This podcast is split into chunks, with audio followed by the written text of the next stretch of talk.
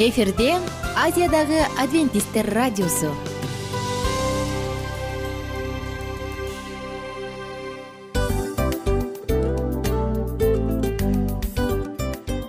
Достор салют. Баардык сүйүктүү угармандарыбызга салам айтабыз. Кутман күнүңүздөр менен. Ден соолук өмүрдүн булагы демекчи саламат саамы программасында баарыңыздарды көргөнүбүзгө абдан кубанычтабыз. Анда алгач амандашып өтөлү арбаңыздар деп. Ден соолугуңуздар кандай элибизде көбүнчө ден соолук кандай дегенде эле жакшы деп жооп беребиз э? ооруп турсак дагы жакшы дейбиз. Анан мен муну айтып ойлойт элем бул абдан сонун сөз депчи анткени бул жакшы деген үмүт да ооба баары жакшы болот. Баары сонун. Деп үмүттөнүп атып эле өзүбүздү өзүбүз дарылап коебуз. Анысы кандай сиздин дагы ден соолугуңуз жакшы беш деген үмүттөбүз чындыгында ден соолук бул өмүрдүн булагы деп бекеринен айтылган эмес деп ойлойм. Кыргыз элинде анткени эгерде ден соолук жок болсо анда адамдын жашоосунда калган баардык керектүү маңыздуу нерселер өзүнүн баалуулугун жоготуп коет. Ошондуктан ден соолук бул эң керектүү нерсе. Ооба туура айтасың кесиптешим. Чынында ден соолугуң жок бир эки үч күн ооруп калсаң эле э кандай болуп калат? Жашоодо көз каранды болуп каласың көп нерсеге жетишпей каласың көп нерсени кыла албай каласың жада калса эшикке дүкөнгө да чыга албай каласың. Туптуура анан ден соолук болсо демек биз биздин бактыбыз тотой деп койсок болот. Анда достор саламат саамы рубрикабызды баштайлы. Алдыда өзүңүзгө керектүү болгон сонун кеңештерди уга аласыздар. Мына ошондуктан биз менен бирге болуңуздар. Ал эми биз болсо милан жана айнура. Кеттик алга. Алга саламат саама ден соолуктун жарчысы. Саламат саама ден соолуктун ачкычы. Күн сайын сиз үчүн мыкты кеңештер сонун жаңылыктар кызыктуу фактылар биздин рубрикада.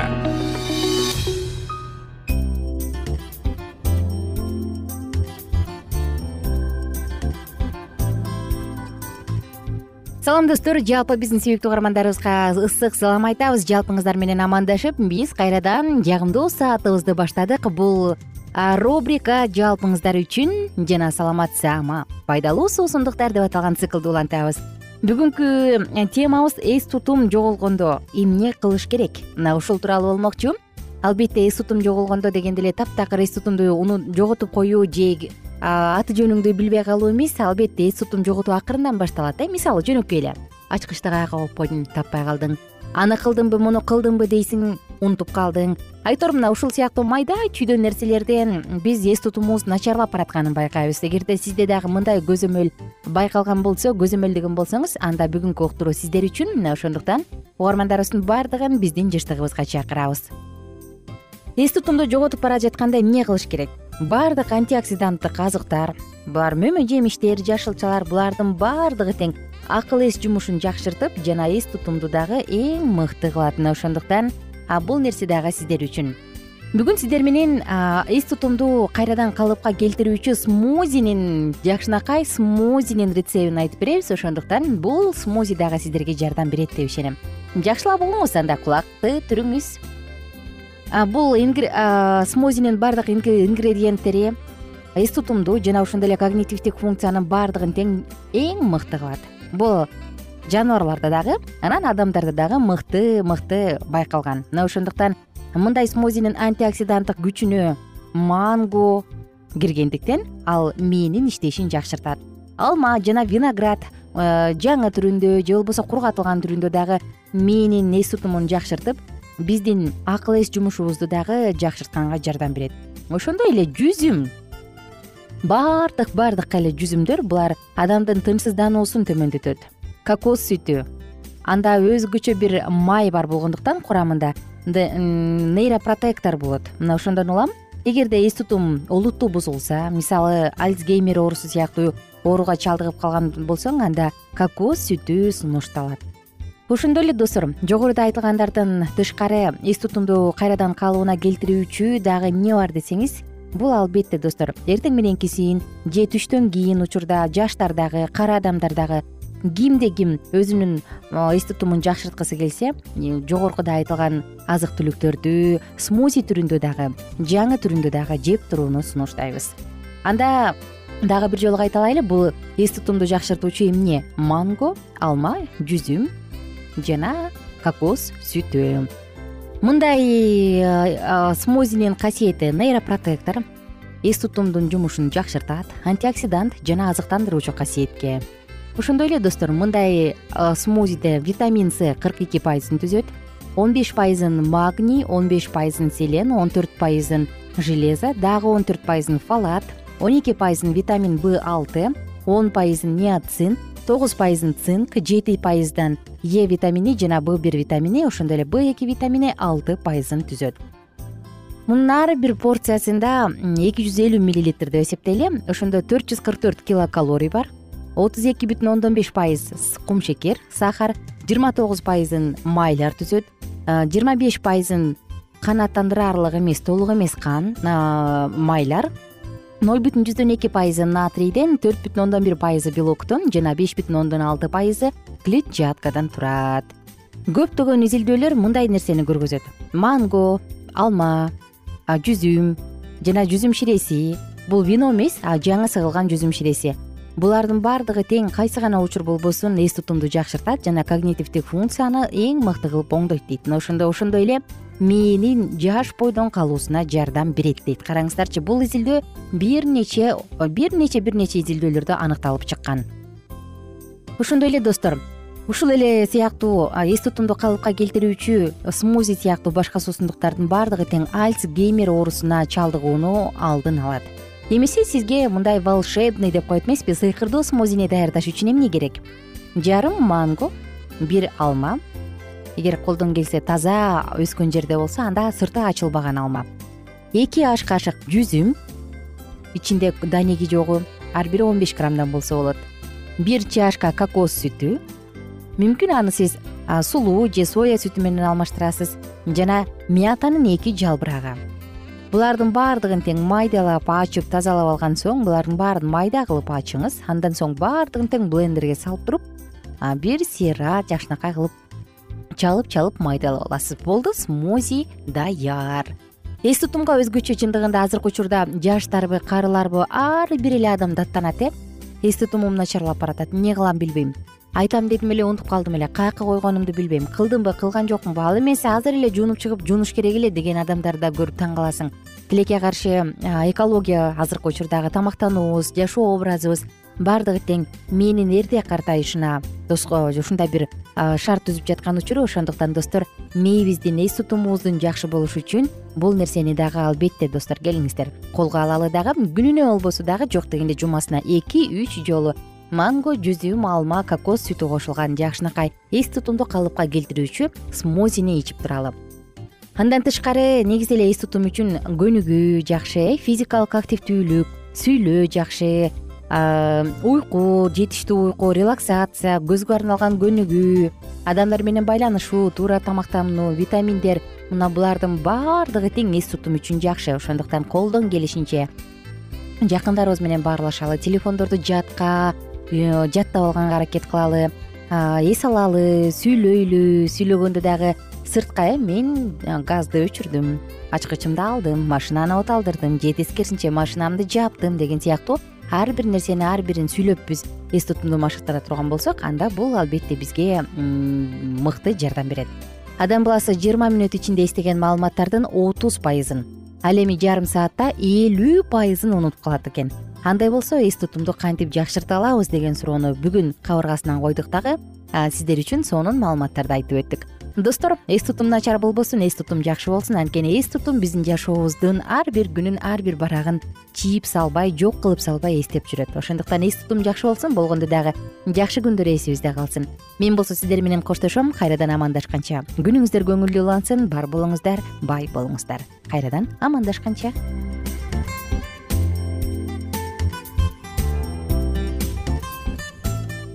кененирээк маалыматтар үчүн үч w чекит саламат чекит клуб сайтына келип таанышыңыздар. Жана андан тышкары социалдык тармактарда youtube facebook жана instagram баракчаларына катталыңыз. Саламат саама ден соолуктун жарчысы. Саламат саама ден соолуктун ачкычы. Күн сайын сиз үчүн мыкты кеңештер сонун жаңылыктар кызыктуу фактылар. Биздин рубрикада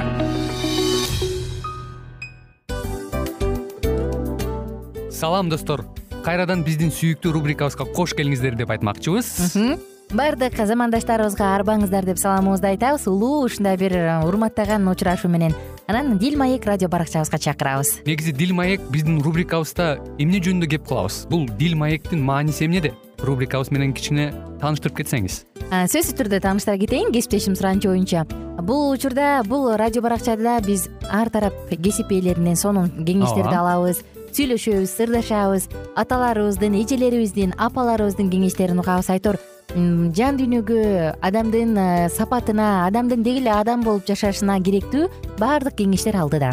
Негизи э, дил маек дегенде баягы эки адамдын ортосундагы сырдашуу кенен сүйлөшүү. Негизи эле биз адамдар бири бирибиз менен бир жерге жай жерге отуруп алып өзүнчө тынч э, жашоо жөнүндө өмүрүбүздө эмне болуп атканын бөлүшкөнү жакшы көрөбүз э адамдар. Ооба туура айтасың анан мындай учурга кээде убакыт да жетпей келет э? Же болбосо сырыңды кайгыңды муңуңду кубанычыңды айткың келет а адамга ишенбешиң мүмкүн. Ооба. А бул радио баракча угармандарыбыздын чыныгы досу анткени бизден алган кеңеш сиздин жашооңузга чоң жардам берет. Ал эми сиздин бизге айта турган сөзүңүз ортодо гана сыр бойдон калат. Ошондуктан биздин дил маек рубрикабызга дагы бир жолу кош келиңиздер. Жана биз даярдаган маалыматтарга даяр болуңуздар. Айнура жана милан сиздер менен бирге алдыга кеттик ар түрдүү ардактуу кесип ээлеринен. Алтын сөздөр жүрөк ачышкан сыр чачышкан сонун маек. Дил маек рубрикасында.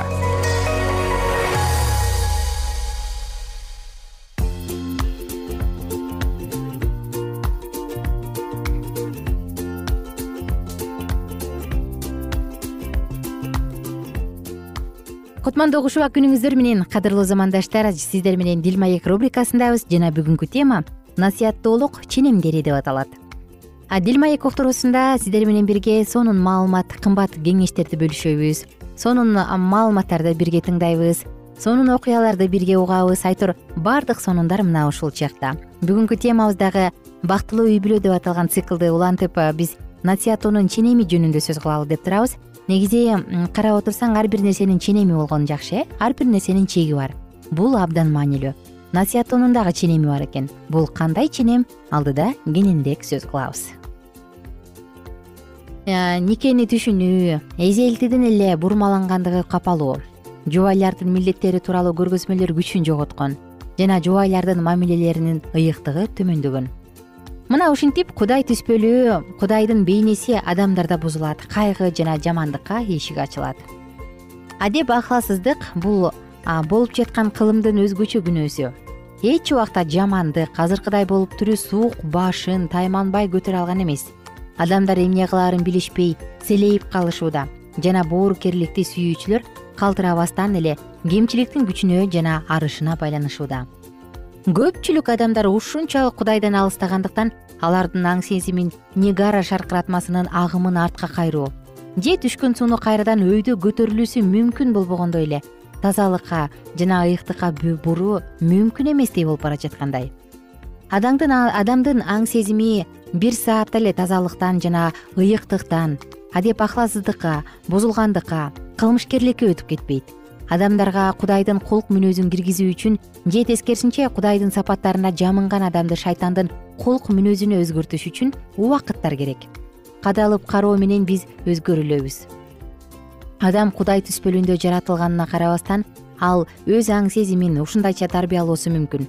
Эмнегедир же кайсы бир нерсеге жийиркеничтүү сезими менен караган болсо дагы ал ага жагып калууга болот. Анын аң сезими өтүп кетпейт жана аны сактап калуу дагы мүмкүн эмес. Ошол учурда адам өзү баарын жасагандыктан өзүнүн жүрүм турум эрежелерин жана аң сезимдүүлүгүн жамандыкка буруп коет. Ар кандай адам ал кары болобу же жаш болобу ар бир кадамында кеңеш сураш үчүн кудайга кайрылуу керек экендигин биле турган болбосо коркунучсуздукта боло албайт. Аялдын жүрүм туруму жөнүндө айтсак аялдар жагымдуу көрүнүүгө аракеттенүү менен өздөрүнүн ар кандай эстүүлүгүн жоготушат. Бул өзүнө тартып ала турган оюн сыяктуу жана алар бул оюнда берилгендик менен ойношот. Күйөөсү бар жана күйөөсү жок аялдар көп учурларда жеңил ойлуу болушат. Алар бойдок жана аялы бар эркек кишилерди өз көңүлүнө буруп турушат жана жүрүм турумундагы токтоолугу алсыздар буга туруштук бере албай калышат. Ар кандай кумарлык ойлор боло баштайт. Эгерде аял киши өзүнүн жакшынакай жана токтоо алып жүрө турган болсо бул ойлор башка келүү дагы мүмкүн эмес эле. Аял кишиде күнөөлүү ойлор же себептер тууралуу эч кандай сезим болбогон күндө дагы өздөрүнүн жүрүм туруму менен эркектердин азгырыкка кетип кирип кетүүсүнө себеп туудуруп турат сактык жана оор басырыктуулукту көргөзүү менен ар кандай ээн баштыктан карманып катуу деңгээлде жооп бербегендик. Бирок жогорку деңгээлдеги жүрүм турум эрежелерин жана тиешелүү кадырын сактоо менен көп кырсыктардан качып кетүүгө болот. Анын катышуусунда адепсиз сөздөргө же бир нерсенин четин чыгаруу билдирүүлөргө жол берген аял киши кудай каалагандай кылбайт.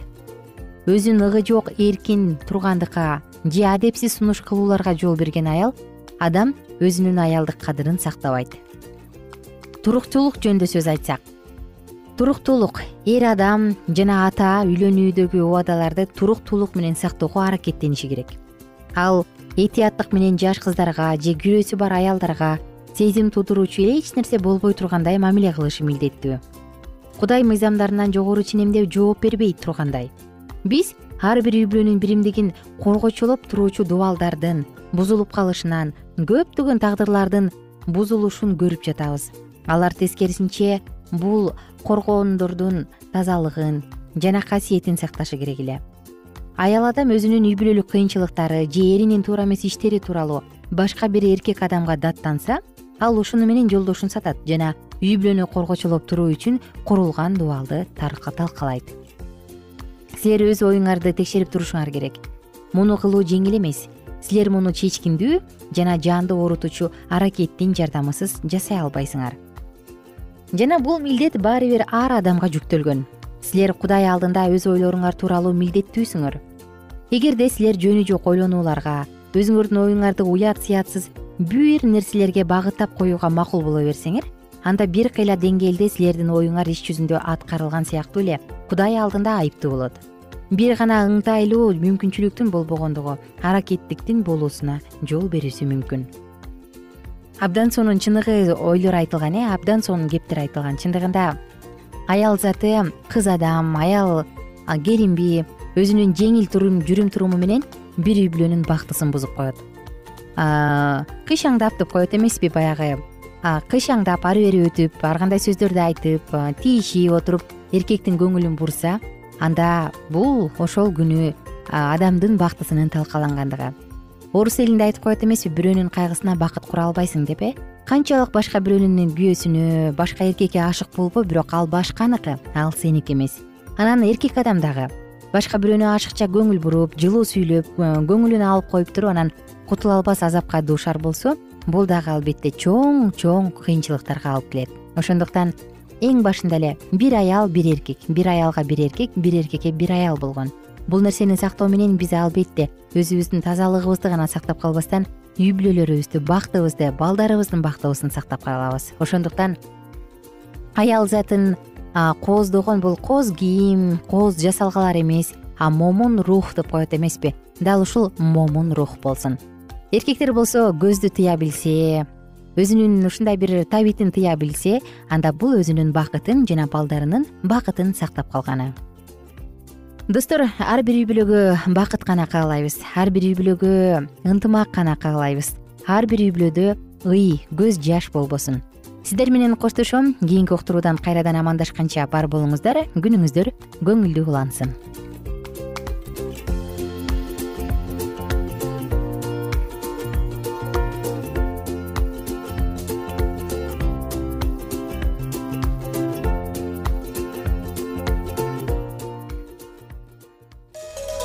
ар түрдүү ардактуу кесип ээлеринен алтын сөздөр жүрөк ачышкан сыр чачышкан сонун маек дил маек рубрикасында.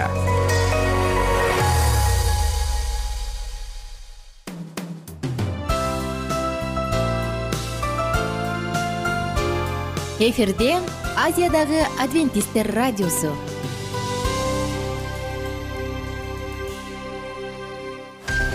жан дүйнөңдү байыткан жүрөгүңдү азыктанткан жашооңо маңыз тартуулаган жан азык рубрикасы.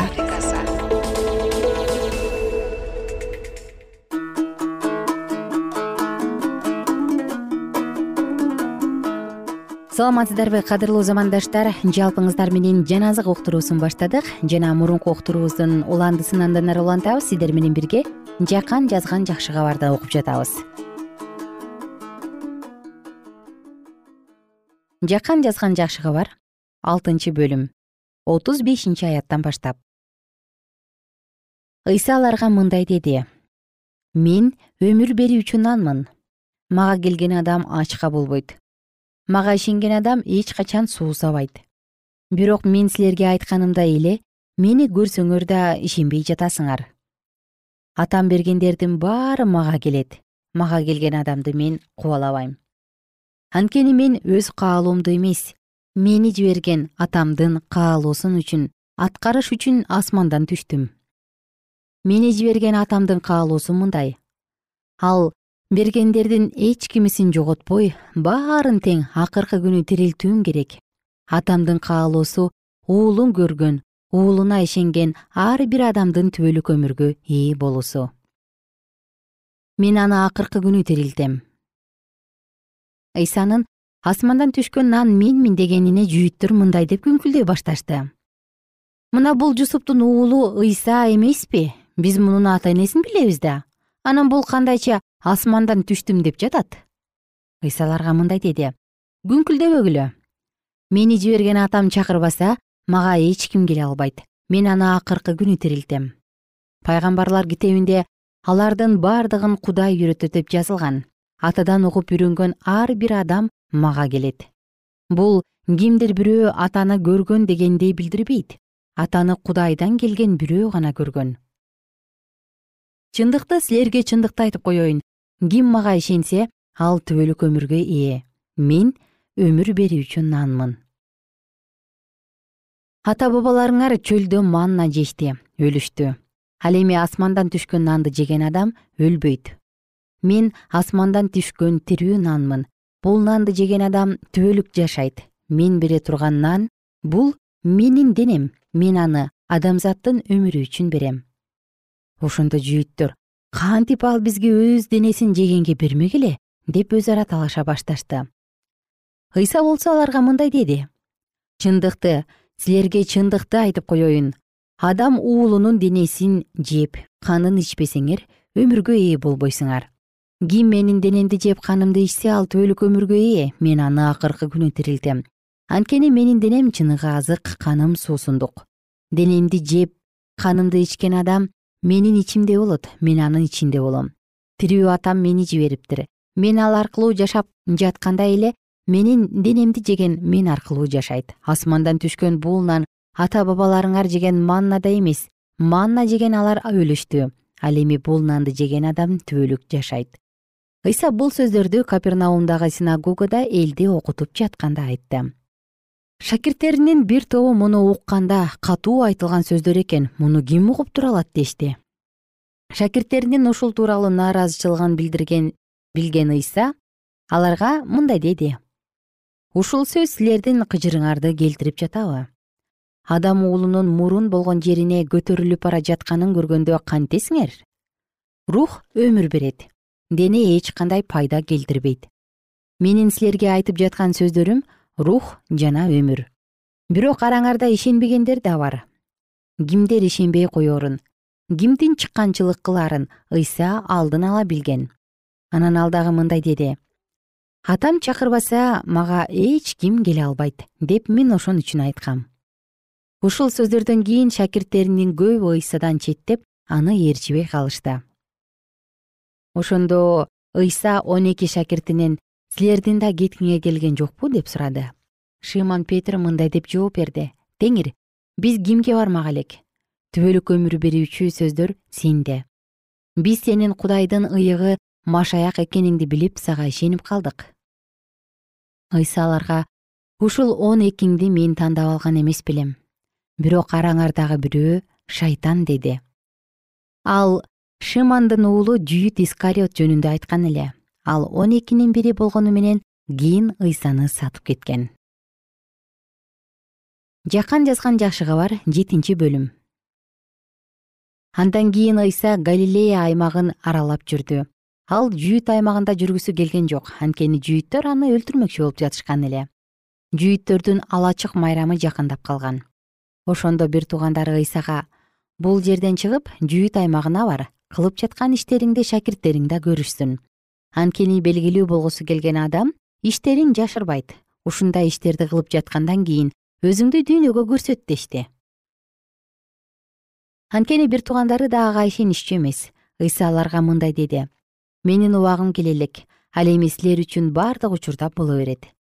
Бул дүйнө силерди жек көрө албайт. Ал эми мени жек көрөт. Анткени мен анын иштеринин жаман экендигин күбөлөндүрүп жатам силер майрамга бара бергиле. Мен азырынча бул майрамга барбайм. Анткени менин убагым келе элек ал ушуну айтып галилеяда калып калды.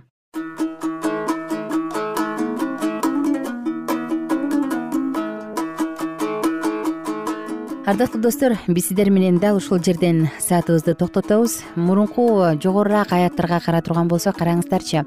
Адам жаратуучуга рухтун каалоосу менен рухтун жетегинде табынышы керек дедик. Андан тышкары ыйса менин денем бул нан дейт э өмүр наны. Каным болсо өмүр суусу чыныгы суусундук дейт. Бул албетте баягы сөзмө сөз айткан жок бирок ыйса өзүнүн денесин адамдардын өмүргө ээ болушу үчүн айкаш жыгачка кадап өзүнүн өмүрүн биз үчүн курмандык козу катары чалгандыктан ал дал ушундай сөздөрдү айтты. Анын өлүмү аркылуу гана ар бир адам баласы түбөлүк өмүргө ээ боло алды. Мына ошондуктан сиз дагы жаратуучунун ушул берген улуу белегин кабыл алууга мүмкүнчүлүгүңүз бар. Рух өмүр берет. Дене эч кандай пайда келтирбейт дейт. Анан анысы кандай достор э, эгерде сиздин биздин жүрөгүбүздө дагы жогорудан төрөлүү бар болуп жаратуучунун берген ушул түбөлүк өмүрүн кабыл ала турган болсок анда албетте кийин болочокто биз дагы жаратуучу кудай менен бирге асман падышачылыгында болобуз ага чейин ар бир куда угарманыбызга жаратуучубуз акылмандуулугун аябай бере берсин дейбиз дагы. Саатты жыйынтыктайбыз. Жалпыңыздар менен кийинки уктуруудан кайрадан амандашканча сак саламатта туруңуздар. Күнүңүздөр көңүлдүү улансын. А мен болсо сиздер менен коштошом. Кийинки уктурууда жакан жазган жакшы кабарды андан ары улантабыз. Биз менен бирге болуңуздар. Эгер сиздерде суроолор болсо же көбүрөөк маалымат билем десеңиз анда биздин whatsapp номерибизге жазыңыз. Плюс бир үч жүз бир жети жүз алтымыш алтымыш жетимиш. Кайрадан плюс бир үч жүз бир жети жүз алтымыш алтымыш жетимиш